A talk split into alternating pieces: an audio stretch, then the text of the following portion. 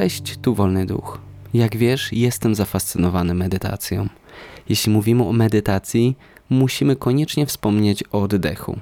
A czy wiedziałeś lub wiedziałaś, że istnieje taki sposób oddychania, który zmienia naszą świadomość? Tak byśmy byli pod wpływem np. LSD. Jednak mówimy tylko o oddychaniu.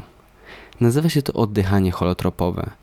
Służy temu, aby leczyć traumy, mieć głębokie wglądy, a przede wszystkim, żeby żyło nam się po prostu lepiej.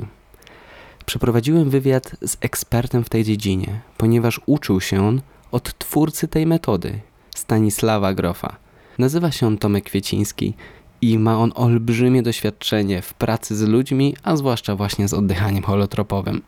Na samym początku rozmawialiśmy o Stanisławie Grofie, kim on jest, oraz poruszyliśmy temat traumy, czym ona jest i czemu warto w ogóle się w nią zagłębiać.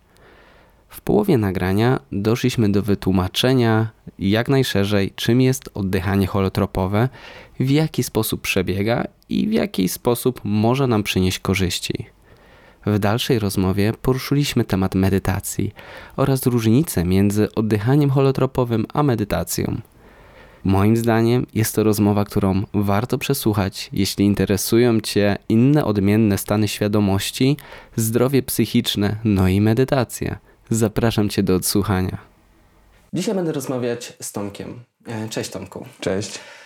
Jeden z powodów, dlaczego bardzo mi zależało na rozmowie z Tobą, jest to, że nie wiem, czy nie jesteś czasem jedyny, może są inne też osoby, które uczyły się bezpośrednio od autora oddychania holtropowego, Stanisława Grofa. I na samym początku chciałbym, żebyś mi powiedział coś więcej, czym jest oddychanie holtropowe oraz kim jest Stanisław Grof. Dlaczego właśnie ta osoba przyciągnęła mnie do Ciebie? Więc tak, e, postaram się to powiedzieć w miarę dokładnie i w miarę też zwięźle, bo zazwyczaj wykład o oddychaniu holotropowym trwa około 3 godzin.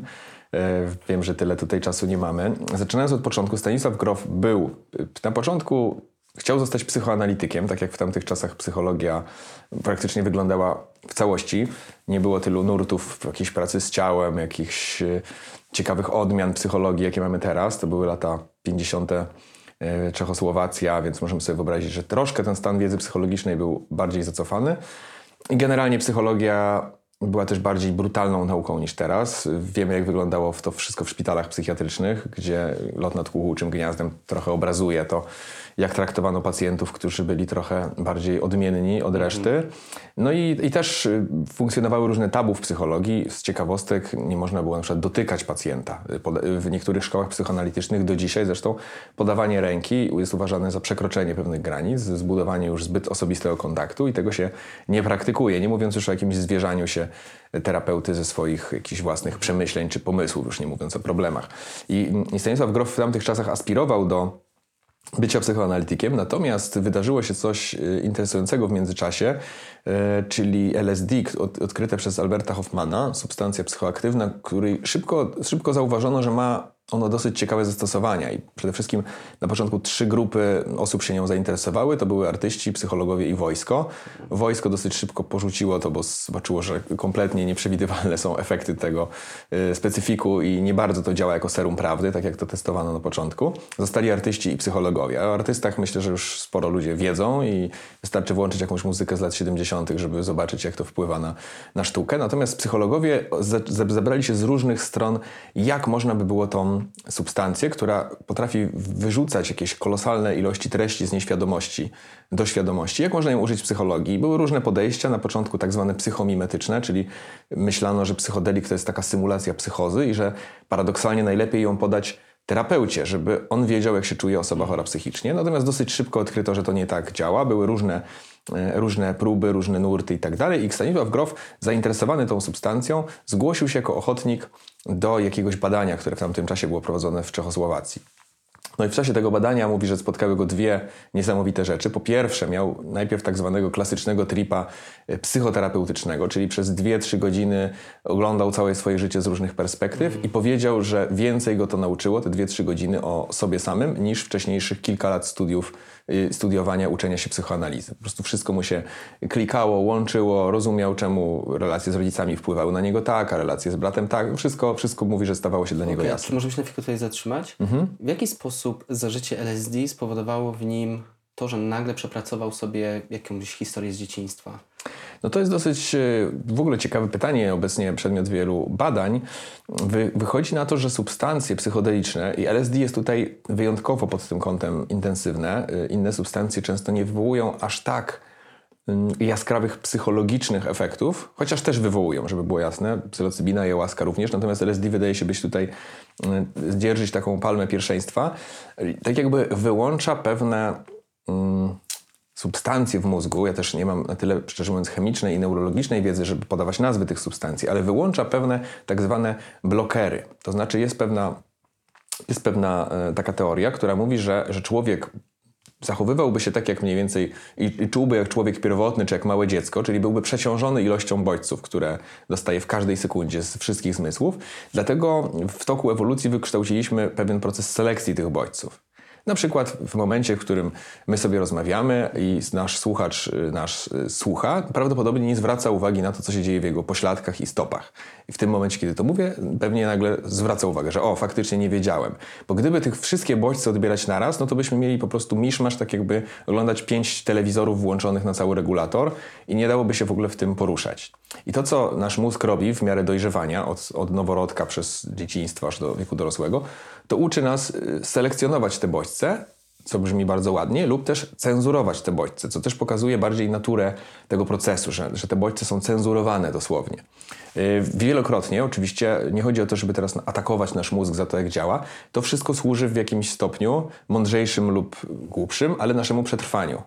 Pomyślmy sobie z zupełnie racjonalnych powodów. Faktycznie, jeśli słuchamy jakiegoś podcastu, no to nie potrzebujemy zwracać uwagi na naszą prawą stopę w tym momencie. Nie jest to, nie jest to ważne. Ale z rzeczy jeszcze bardziej interesujących, wyobraźmy sobie warunki, w jakich żyli ludzie kiedyś, znacznie bardziej traumatyczne niż dzisiaj. Gdyby ktoś sobie przypominał co chwila, jak zginęli jego rodzice pożarci przez Lamparta na przykład, albo jak widzieli spalącą się wioskę 10 lat temu, no to prawdopodobnie byłoby mu ciężko na przykład się motywować do zbierania jedzenia, czy też yy, zalotów yy, i, i próby rozmnażania się. Nasz gatunek by nie przetrwał, gdybyśmy nie mieli silnej cenzury tego, co mózg uznaje za wygodne i, i, i niewygodne. Więc krótko mówiąc, ta cenzura się w naszym mózgu pojawia, wspomnienia, zwłaszcza te nieprzyjemne, gdzieś tam się rozmywają, zapominamy o tym i nie zwracamy uwagi na mnóstwo rzeczy, które nie pasują do naszego światopoglądu. To są takie też w dzisiejszych czasach social mediów. Mamy też bańki informacyjne. No i chociażby w, w politycznych różnych debatach widać, że zwolennicy prawicy i lewicy bardzo mocno zakrzywiają sobie rzeczywistość i na przykład nie zauważają, że ich jakiś ulubiony polityk też zrobił coś głupiego, natomiast bardzo są wyczuleni na to, jak polityk przeciwnej partii zrobi coś głupiego. I to, i to jest efekt działania mózgu. Po prostu pewne rzeczy usuwamy, pewne generalizujemy, pewnym y, nadajemy większą wagę. Czyli LSD usuwa te blokery, tak? I Tak. nagle poszerzamy tą świadomość Dokładnie. na dodatkowe jakieś rzeczy, Dokładnie które tak. wybieraliśmy. Dokładnie tak. Substancje psychodeliczne, szczególnie LSD, potrafi y, sprawić, że oczywiście część z tych blokerów, albo można, można powiedzieć, że blokery znikają. Oczywiście to nie znaczy, że wszystko dociera do nas naraz w tym samym czasie, ale że ym, z, z, z uwagi na różne, czas, czasami nazwalibyśmy je przypadkowymi bodźcami, uruchamiają się w nas różne skojarzenia. Wielokrotnie ludzie e, pod wpływem psychodelików mówią, jak jakaś piosenka, y, która była tak naprawdę często o czym innym, wywołuje w nich y, jakieś skojarzenie, które nagle zabiera ich na przykład do dzieciństwa, czy do jakiegoś y, generalnego, generalnego procesu. To znaczy pod wpływem delikatnego bodźca nasza reakcja może być taka turbo wrażliwa i kierować nas do do jakiegoś e, znacznie in, głębszego, szerszego jakiegoś spektrum wspomnień, przemyśleń i tak. I w tym sensie, jeśli ktoś jeszcze, bo to też jest ważne, że jeśli ktoś do tego, do tej substancji psychodelicznej na przykład wypija kilka piw i idzie na imprezę i tańczy, to jest duża szansa, że te treści wewnętrzne nie będą tak intensywne i, i nie będzie to doświadczenie terapeutyczne. Wciąż można się zaskoczyć, bo dla wielu osób mimo wszystko jest. One nagle schodzą z tego parkietu i zostają zalane przemyśleniami na temat swojego życia. Natomiast, y, natomiast y, powiedzmy sobie, nie są to warunki terapeutyczne. W chwili, gdyby ktoś się po prostu położył na y, kanapie, zawiązał sobie oczy, puścił muzykę i był z terapeutą, który go w jakiś sposób mniej lub bardziej dyrektywny prowadzi, no to ta energia się kieruje do wnętrza. No i wtedy z wnętrza wychodzą wszystkie rzeczy, które były zapomniane, które były wyparte. A ponieważ praktycznie każda z nas, y, każda osoba z nas ma tego dużo, no to jest duże pole do eksploracji. Okej. I Stanisław Grof był tym, który zaczął eksperymentować z LSD jako narzędzie psychoterapeutyczne. Tak, gdy skończył już szkołę, gdy dostał pozwolenie, żeby to faktycznie zupełnie legalnie, co jest dla nas dzisiaj pewnie nie do pomyślenia, w szpitalu psychiatrycznym legalnie podawać pacjentom z bardzo różnymi schorzeniami, wcale nie tak jak niektórzy myślą, że samym tak zwanym rozwojowcom, którzy chcą coś bardziej zgłębić, tylko również ludziom z ciężkimi chorobami. I tutaj e, książka Obszary Nieświadomości, jego pierwsza książka, która powstała zanim jeszcze oddychanie holotropowe e, w ogóle zostało wymyślone, bardzo to obrazuje. Tam są ciężkie, kliniczne przypadki. Nie będę tutaj może wymieniał, żeby nie odstraszać tych y, słuchaczy, którzy wcale nie chcą się z tym zapoznawać głębiej. Wspomnę jedną, y, żeby mieć reprezentatywny przykład, jedną osobę, która miała kancerofobię, obawiała się, że ma raka przyłyku, więc sobie nożyczkami wycinała co jakiś czas kawałki podniebienia. I oczywiście rozumiała pomiędzy tymi atakami, że to jest bez sensu, ale gdy przychodził atak, no to brała nożyczki i cięła sobie. Poraniła się bardzo ostro wielokrotnie, jakby ale, ale to nic nie, nie, nie zmieniało. Dalej ta osoba miała silne paranoje, silne jakieś ataki związane z tym, że trzeba sobie wyciąć tą, tą część. Oczywiście wiadomo, że żadnego raka tam nie było. No i, i, i Grof pracując z tego typu osobami, przy dużych dawkach LSD, podając im je nieraz w odstępie tygodnia, odkrył, że psychika kieruje, y, otwiera się coraz bardziej i kieruje tych ludzi w stronę eksploracji właśnie ich biografii, ich dzieciństwa, również takiego bardzo, bardzo wczesnego. Y, typu chwilę po porodzie, kiedy, kiedy piją mleko y, i, i, kiedy dostają pierwsze przytulenia. Odkrył też, co było dla niego bardzo szokujące, on miał takie dosyć też sceptyczne podejście, no był y, jakby lekarzem z wykształcenia, więc można się domyślić, że to nie była osoba, która medytowała sobie nad otwieraniem czakr wtedy. Natomiast odkrył, że, że kolejne wspomnienia często są przekraczające to, co w danym momencie psychologia uznawała za normalne. I jedną z tych rzeczy były wspominanie porodu, własnego, y, ciąży, narodzin. Dzisiaj to już nie jest aż tak szokujące, no bo w wielu jakichś takich podejściach psychologicznych coś tam się przebąkuje, że ta ciąża to jest jednak ważna, co matka przeżywała, że ten poród też jest istotny, że opieka poporodowa to też jest ważna sprawa, że może fajnie jak dziecko zostaje z matką, a nie zostaje zabrane gdzieś tam do, do jakiegoś pomieszczenia pełne innych płaczących dzieci. No wtedy pamiętajmy, że to były herezje zupełne, żeby, żeby w ogóle mieć takie pomysły. Więc poród to jest jedna sprawa. Inna ciekawostka to to, że doświadczenia szczególnie traumatyczne w trakcie takiej psychoterapii się pojawiały u ludzi w skali 1 do 1. Znaczy Grof raz to ujął to tak, że to nie jest przypominanie sobie czegoś, to jest przeżywanie tego jeszcze raz po prostu. I to, co było zaskakujące w tamtych czasach, to, że urazy fizyczne również są ważne. W tamtych czasach ludzie uważali, że jeśli psychicznie mama nas nie kochała, ojciec nas krytykował, z bratem walczyliśmy i dostawaliśmy mniej od niego, no to jakby to są takie prawdziwe rany, które y, nas bolą. Natomiast to, że ktoś zleciał z drzewa i sobie złamał dwie nogi, no to to nie jest przecież jakiś, y, nie jest Mocna jakaś trauma, ter- mocna trauma, nie jest to coś, z czym warto pracować na psychoterapii, no po prostu wypadek, prawda, złamane nogi, no nad czym tu pracować? Przecież nie możemy, mm, nie wiem, pracować tutaj przez wybaczanie, nie możemy tak jakoś sobie czegoś uświadamiać, że jesteśmy źli na rodziców za coś. No, no wypadek, spadł z drzewa, no kogo za to obwiniać? Otóż okazuje się, że nie. Okazuje się, że ciało w jakiś sposób zapisuje to sobie i nieraz mm, na naszych warsztatach też holotropowych mieliśmy przypadki, że ktoś miał jakąś traumę kilkadziesiąt lat wcześniej dosłownie, której nie do której nie przywiązuje dzisiaj żadnej wagi. Mówi, że no jak każecie wypisywać, to, to mam coś tam. A się okazuje, że na przykład od momentu tej traumy ktoś ma depresję. Albo od momentu tej traumy ktoś zmienił totalnie swoje zachowanie, nie połączył tych dwóch faktów, ale zdarzają się sytuacje, że ciało pod wpływem silnej traumy wysyła jakby do, do mózgu, nazwijmy to sygnał do umysłu, że ja nie chcę już żyć, ja ja już tutaj nic nie, nic nie zdziałam. I często ta osoba faktycznie od tego momentu zaczyna cierpieć na jakieś dolegliwości. Więc nieraz się zdarzało w trakcie psychoterapii, zarówno na LSD, jak i holotropowej, że ludzie sobie przypominają właśnie jakieś dawne wypadki. Yy, Często to mogą być dw- dwa latka, kiedy ktoś wpadł do wanny i się prawie podtopił i tak dalej, i tak dalej. Yy, Szczególnie często właśnie problemy z oddychaniem ludziom się yy, kojarzą jako takie traumatyczne, czyli woda, ale też choroby, gdzie był problem z oddychaniem. I gdy sobie to przypominają, to nagle mają poczucie, że się od tego uwalniają. No i wisienka na torcie, czyli doświadczenia transpersonalne. Okazuje się, że zarówno pod wpływem LSD, jak i też, jak się później okazuje, niefarmakologicznych metod, żeby tego wszystkiego nie sprowadzać do, do substancji, ludzie są w sobie w stanie, inaczej, przeżywać doświadczenia, które nie są ich, ale które czują, że mają ogromny na nich wpływ. Najprostszy przykład to są doświadczenia z własnych przodków, na przykład rodziców, ale też dziadków czy pradziadków. E, aczkolwiek zdarzają się doświadczenia na przykład bycia anonimowym Polakiem ginącym podczas powstania warszawskiego. Zdarzają się doświadczenia bycia anonimową kobietą gdzieś tam zmuszoną do małżeństwa, takie bardziej archetypowe. Tylko jak te wszystkie doświadczenia, e, to, że sobie przeżywamy z powrotem jeden do jeden, wpływają na nasze życie codzienne? Czemu to jest w ogóle ważne? No to jest y, bardzo ciekawe pytanie. Mm, Generalnie są trzy rodzaje doświadczeń, które się mogą pojawić. Pierwsze to doświadczenia traumatyczne, czyli te nieprzyjemne, i przeżywając je, najczęściej odnajdujemy w nich jakąś część nas, która reaguje dosyć podobnie. Znaczy te, te, te doświadczenia nie są zupełnie przypadkowo pojawiające się. To nie jest tak, że jakiś szalony reżyser nam wyświetla filmy bez, bez, bez ładu i składu, tylko bardzo często jest taki wzór, że jeśli mamy jakiś problem w życiu codziennym, to umysł nas albo zabiera do doświadczenia w dzieciństwie, na przykład, które było pierwowzorem takiej reakcji, albo jeśli zdarzają się sytuacje, kiedy mamy coś, ale nie, nie mamy takiego doświadczenia w dzieciństwie, jakby nie, nie wiemy skąd to się wzięło, to jakby umysł zabiera nas gdzieś dalej, pokazuje nam coś w rodzaju wskazówki, że to już było wcześniej, że, że mamy ten problem od, od, od czasu wcześniejszego. I gdy mamy ten problem od czasu wcześniejszego, przeżywamy go, to w pewnym sensie się od niego jesteśmy w stanie odseparować. Okej.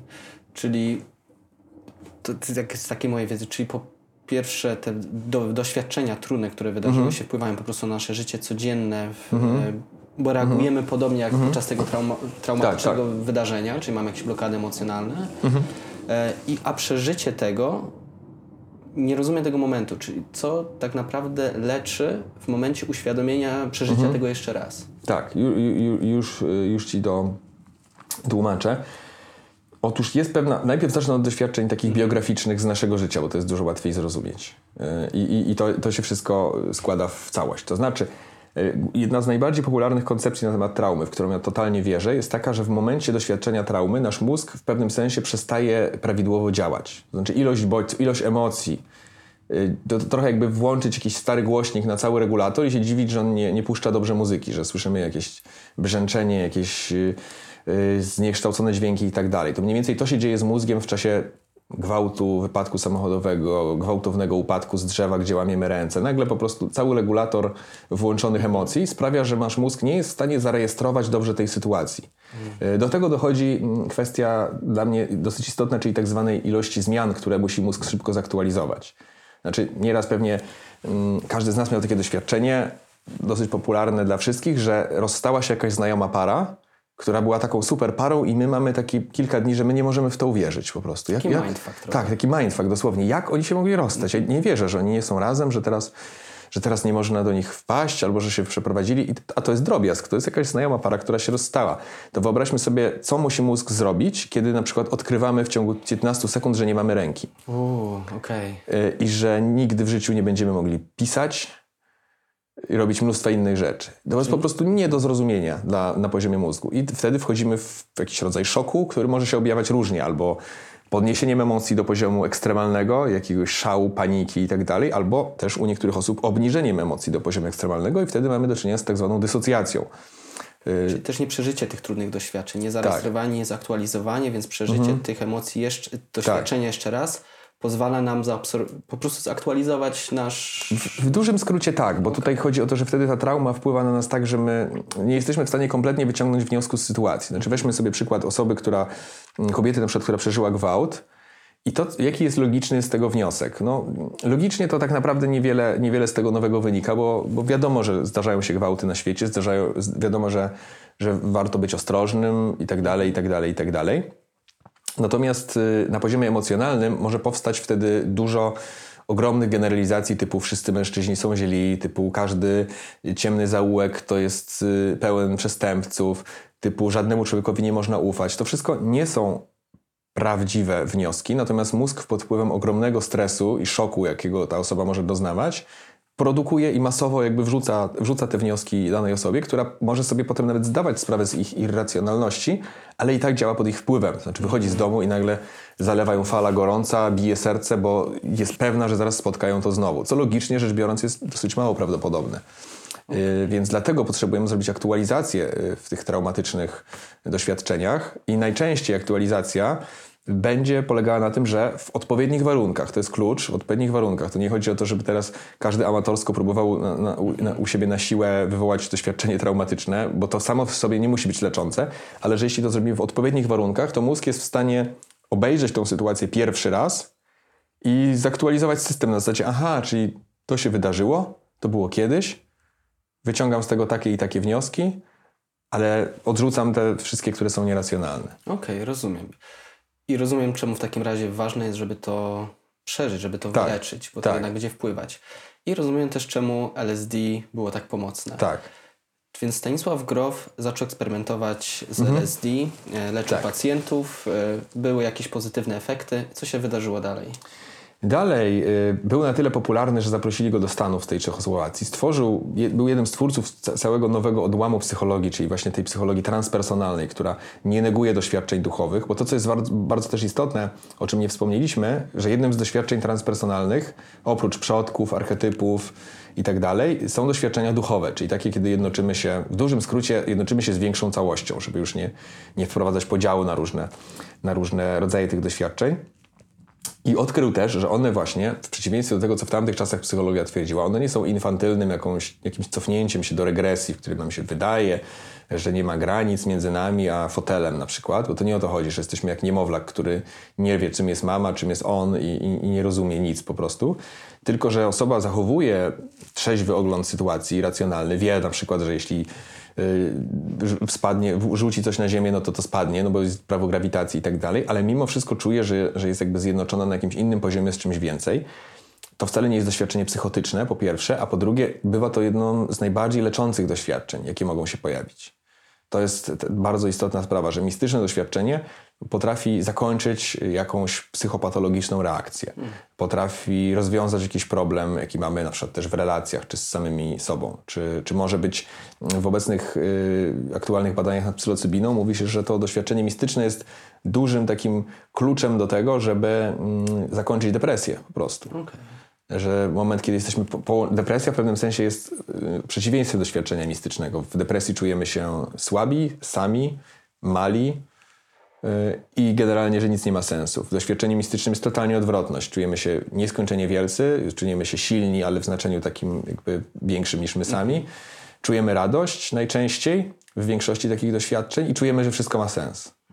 Więc y, do, doświadczenie takiego stanu nie znaczy to, że będziemy w nim cały czas. To jest jeden z głównych problemów oczywiście osób medytujących, że, że to są tylko przebłyski, które spadają zawsze o jak ileś tam procent, ale może to nam y, pokazać w ogóle nową perspektywę. Tak, też doświadczenie, z którego możemy czerpać w momencie, Tak. kiedy czujemy na przykład jakieś stany depresyjne. Tak. Wracamy do tego i mamy jakiś taki bagaż, który nam pomaga Tak. często przejść Tak. przez to. Tu oczywiście dochodzą różne pułapki, o których warto wspomnieć, czyli to, to doświadczenie nieraz może nam wrzucać strasznie duże oczekiwania później, że jak to jest, po prostu fajnie w lesie, a ja bym chciał mistyki jakiejś większej. To też są pewne rzeczy, na które warto uważać.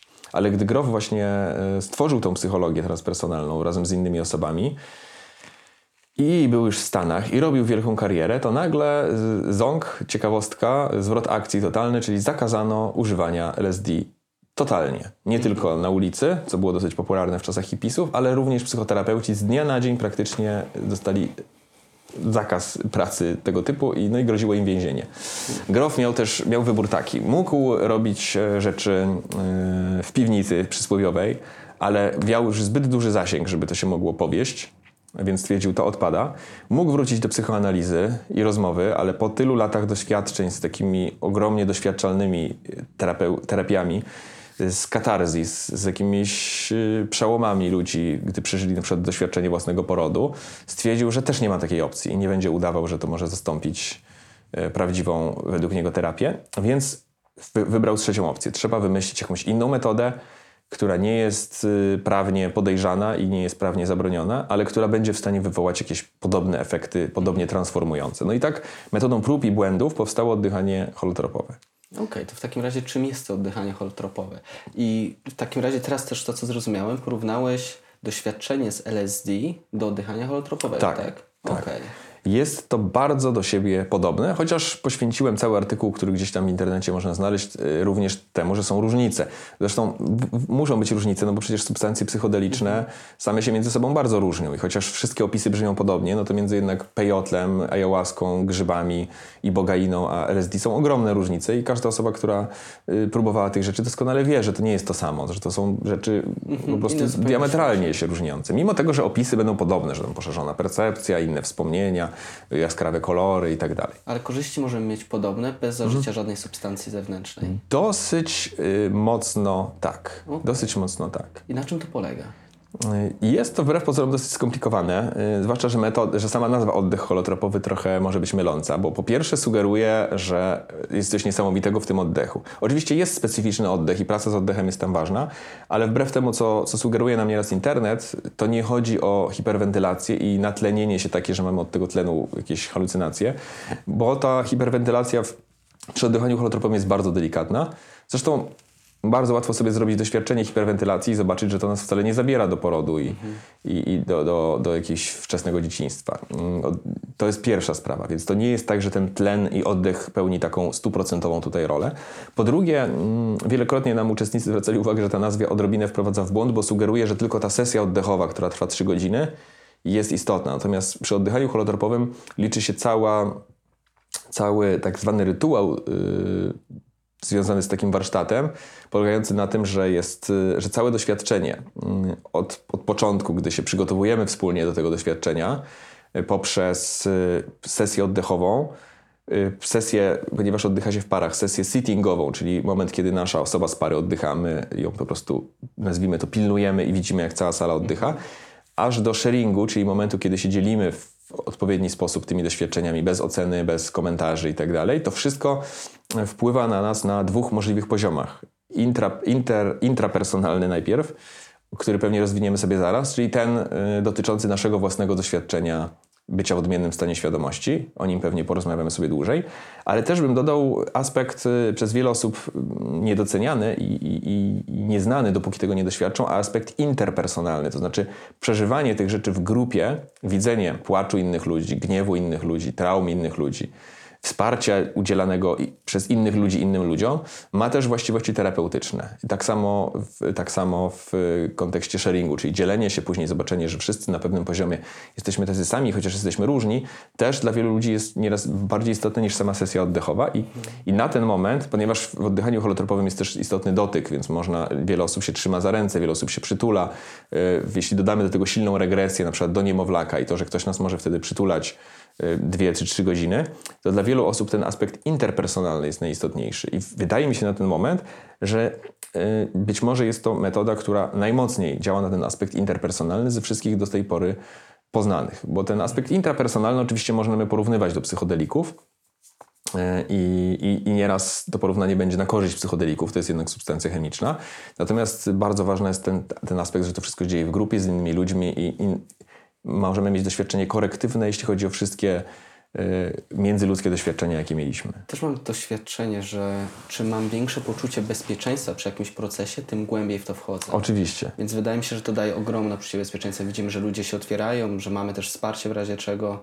Okej, rozumiem ten aspekt. W takim razie, jak wygląda ten aspekt, teraz mi się mylą, ten interpersonalny i intrapersonalny, czyli jak Tak. wygląda przebieg, jak ten oddech zmienia nasz stan świadomości. Tam ważne jest to, że jest oddech, jest też bardzo głośna, specyficzna muzyka, jest też ten proces grupowy i to, że na przykład nagle słyszymy, że ktoś obok nas płacze. Jest też to bezpieczeństwo. W ogóle jedna z teorii na temat y, oddychania holotropowego jest taka, że po, po prostu jest bardzo prosta, że ludzie wchodzą w proces, ponieważ się czują bezpiecznie.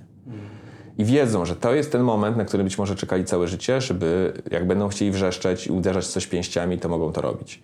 Jak będą chcieli płakać, to mogą to robić. Jak będą chcieli się przytulić, to mogą to robić. Jak będą chcieli sobie po prostu leżeć i się śmiać, to mogą sobie to robić. I wtedy mm, ich psychika, wiedząc, że to, się, że to jest ten moment, zaczyna po prostu produkować dosłownie psychoaktywne doświadczenia. Bardzo często związane z tym, czego do tej pory nie mogliśmy wyrazić. Gniewu, płaczu, e, pewnych wspomnień, pewnych uczuć, które nas bardzo zaskakują, bo się okazuje, że to jest na przykład gniew w stosunku do rodziców, czyli rzeczy, na które nasza psychika się na, w codziennym stanie świadomości nie zgadza, które, jak mówiliśmy na początku, cenzuruje.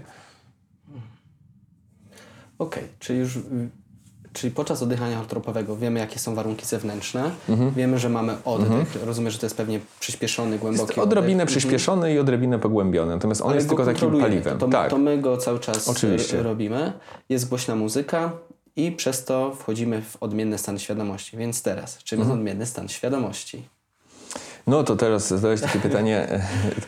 E, Terence McKenna kiedyś powiedział zdanie, które mi bardzo tkwiło w pamięci, że pamiętajmy, że język, e, język w ogóle jako narzędzie został wymyślony przez takie półmałpy, żeby się komunikować na temat tego, jak trafić do strumyka albo jak zrobić maczugę. E, Mówienie o subtelnościach odmiennych stanów świadomości, czy nawet takich rzeczy, nawet rzeczy, które są dla wszystkich w miarę znajome, na przykład jak miłość, z kolei cytat z mojego filmu, y, ulubionego filmu Waking Life, e, że gdy ja mówię miłość, to mam na myśli jakieś swoje w ogóle doświadczenia, koduję je i mówię je do ciebie, a ty rozumiesz w ogóle co innego niż ja powiedziałem, bo ty masz inne doświadczenie z miłością na pewno. A mimo to nam się wydaje, że się jakoś tam rozumiemy. Czyli to już jest y, dosyć nietypowe, no bo, bo łatwiej nam się skomunikować na temat tej doniczki, no bo wiemy jak ona wygląda i wiemy jak wyglądają doniczki. Możemy powiedzieć to jest doniczka, a to już nie jest doniczka. Ale miłość już jest czymś, co się temu będzie bardziej wymykać. Bardziej Mimo, że jest to standardowe doświadczenie. Każdy człowiek, słysząc to słowo, wyobraża sobie mniej więcej coś tam. Y, Możemy to jakoś przedstawić, narobić 20 rysunków i wybrać, to pasuje, to nie pasuje i podejrzewam, że w ogromnej ilości będziemy zgodni. Natomiast odmienny stan świadomości to już jest w ogóle jeszcze bardziej skomplikowana kategoria. Natomiast jakie są rzeczy, które ludzie raportują przy odmiennym stanie świadomości? Na pewno to, że jest coś innego niż zwykle, że czują jakby funkcjonowali w jakiś inny sposób niż do tej pory. Są pewne rzeczy takie jak inne słyszenie, e, wyraźniejsze najczęściej w kontekście poszerzonych stanów świadomości, e, wyraźniejsze słyszenie dźwięków, wyraźniejsze widzenie różnych rzeczy za zamkniętymi oczami, zdawanie sobie sprawy z niektórych, e, niektórych rzeczy. Bo też przy odmiennych stanach świadomości znowu musimy zaznaczyć, że są różne odmienne stany i niektóre z nich będą nas bardziej mm, znieczulać. Na przykład duża ilość alkoholu jest odmiennym stanem świadomości, natomiast nie ma, on, nie ma ono znaczenia terapeutycznego, gdyż najczęściej nie uświadamiamy sobie więcej rzeczy pod wpływem.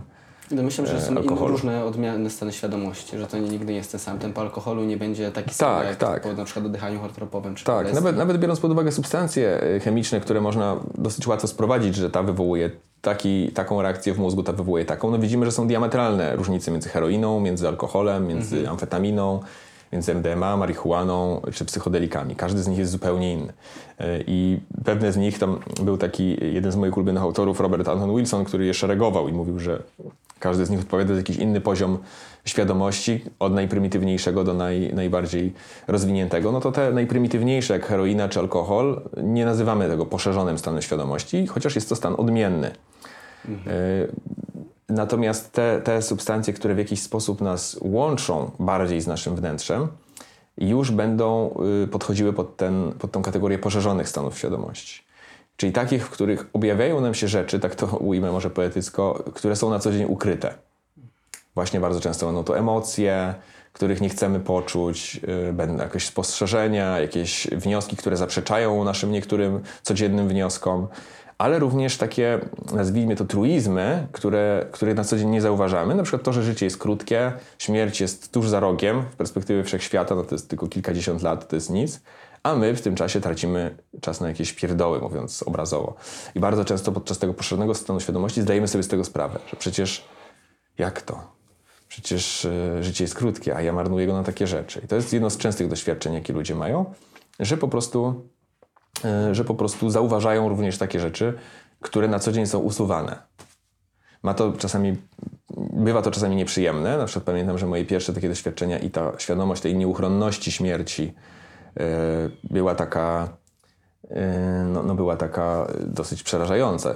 Mając kilkanaście lat, wolałem się nie zastanawiać nad tym. Na pewnym poziomie wolałem, na, na innym myślę, że jakbym naprawdę nie chciał, bym nie robił takich doświadczeń. Ale wiele z tych e, wniosków jest bardzo budujących, bardzo pięknych. Chyba nasza intuicja wie, gdzie Tak. też iść, bo Najczęściej jest duża tak. wartość, wydaje mi się, Tak. przy kontemplacji śmierci. Dokładnie. Dokładnie tak.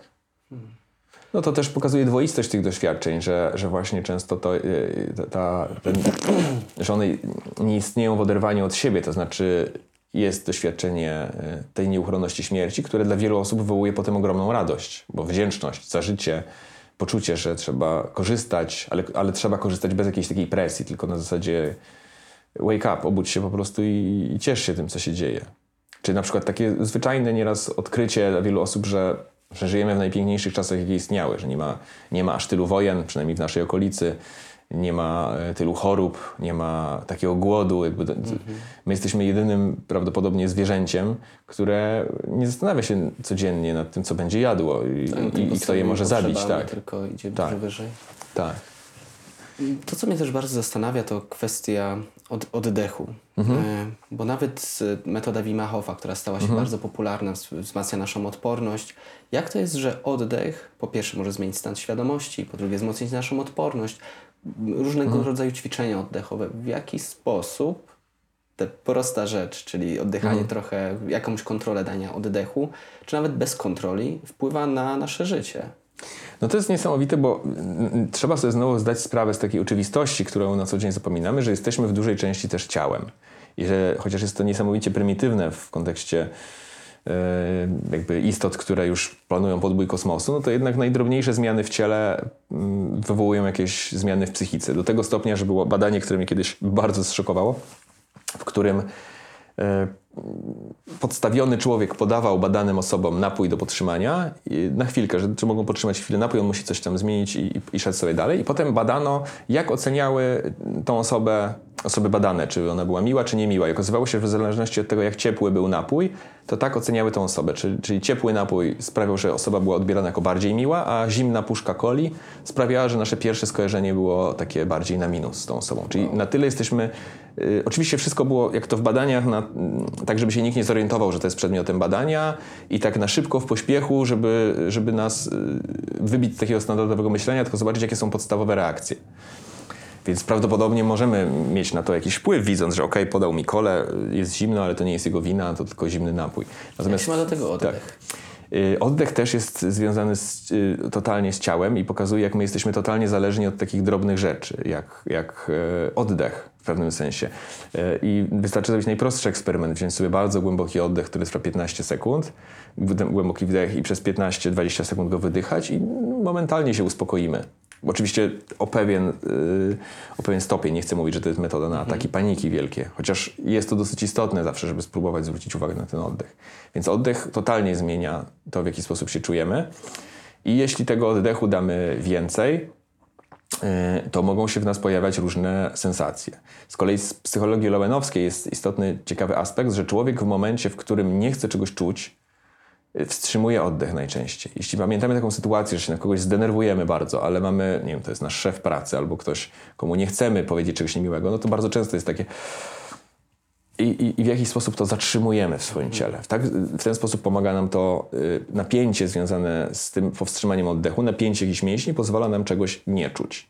Więc idąc z tą logiką, y, co jest też w, i w psychoterapii lowenowskiej y, używane, ale też w innych metodach pracy z oddechem, jeśli zaczniemy trochę celowo pogłębiać się na oddech, e, to dojdziemy do efektu odwrotnego, zaczniemy czuć więcej. Również właśnie tych rzeczy, które zostały zepchnięte pod dywan. Czyli krótko mówiąc, wstrzymywanie oddechu, napinanie się to metoda, żeby czuć mniej. To jest dosyć oczywiste, jak nie wiem, co, wiemy, że na przykład zaraz spotka nas jakiś ból, no to prawie każda osoba na, napnie się po prostu, żeby nie czuć.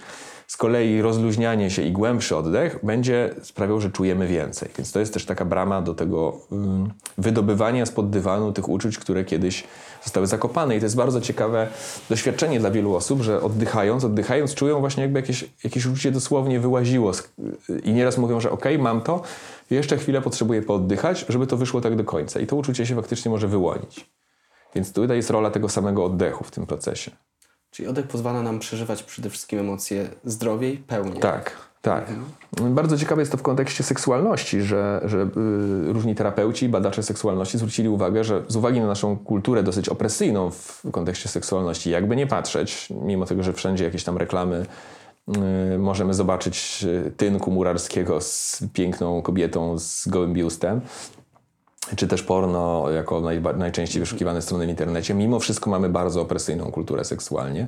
Trzeba sobie z tego zdać sprawę, co sprawia, że mnóstwo osób ma ponapinaną miednicę i, i biodra i mnóstwo osób y, w trasie seksu, nawet udanego, na tyle napina y, różne mięśnie i na tyle przyspiesza oddech, że nie jest w stanie poczuć takiego pełnego orgazmu, takiej totalnie pełnej satysfakcji z tym. Więc jedna z takich najprostszych, tantrycznych metod na zwiększenie swojej satysfakcji z seksu, no to jest próba pamiętania, żeby ten oddech był powolny i głęboki, żeby oddychać aż do miednicy. Żeby czuć, że po prostu całe ciało jakby swobodnie przyjmuje tą rozkosz, która przychodzi. I wbrew pozorom to nie jest takie proste. Bardzo często gdzieś ciało się napina, tak jakby trochę nie wolno było y, tego przeżywać tak w 100%. Tak jakby było w tym coś złego, co trzeba tak szybko na napięciu, na napięciu przeżyć. Okej, czyli tak naprawdę oddech wpływa na wszystkie aspekty Tak. naszego życia. Z Oczywiście. jednej strony to jest niby oczywiste, bo rodzimy się, bierzemy pierwszy wdech, umieramy, robimy ostatni wydech. Dokładnie. Więc oddech ma znaczenie. A dla ciebie personalnie, czym jest oddech? No to, to jest takie pytanie... Mm, Ala miłości. Tak, ale miłość. y, na- Natomiast y, no, dla mnie oddech jest na pewno, ja, y, ponieważ ja też dużo medytuję, to dla mnie oddech jest takim powrotem do teraźniejszości przede wszystkim.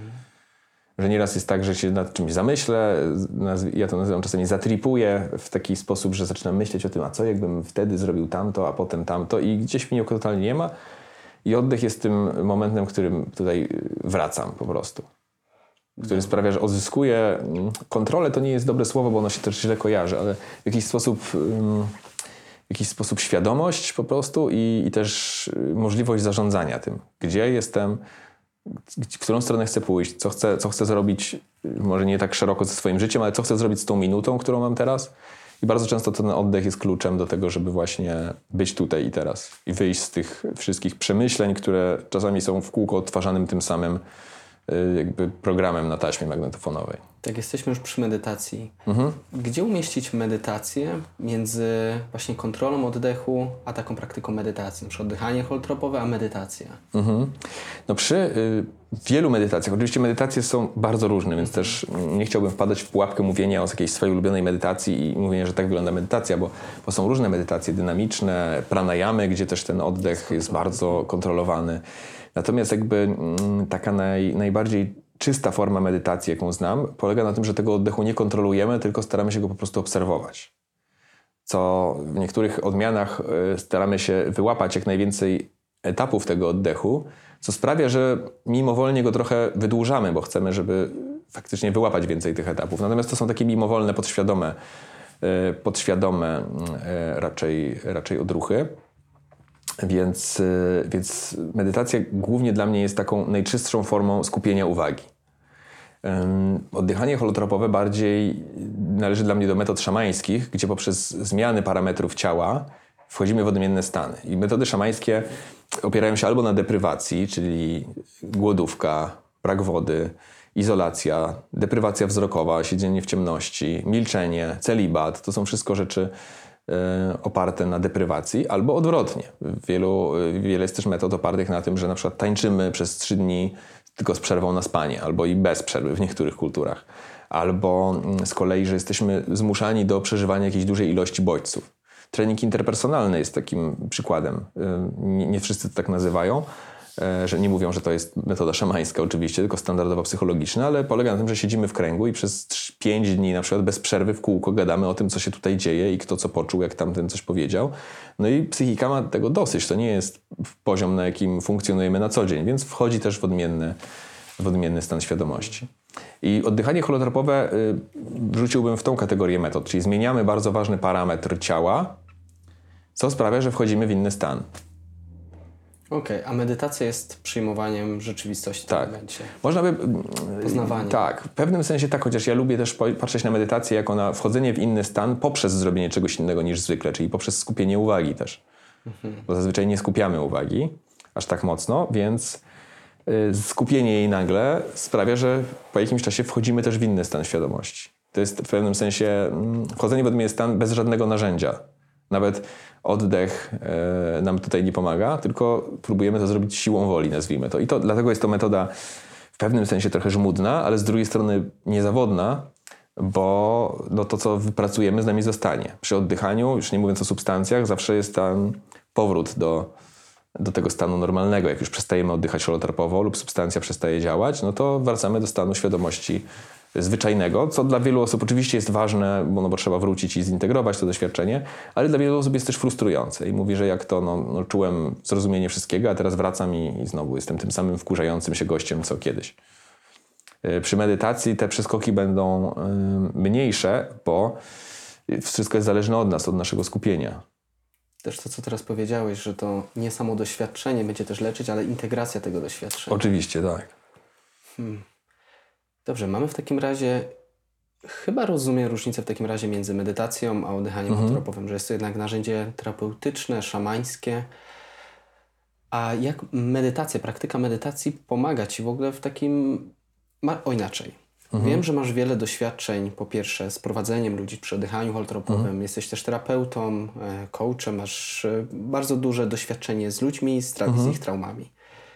Jak praktyka medytacji ma się do tego wszystkiego? Czy w ogóle potrzebujemy praktykować, skoro mamy oddychanie tropowe, mamy LSD, mamy psychoterapeutów?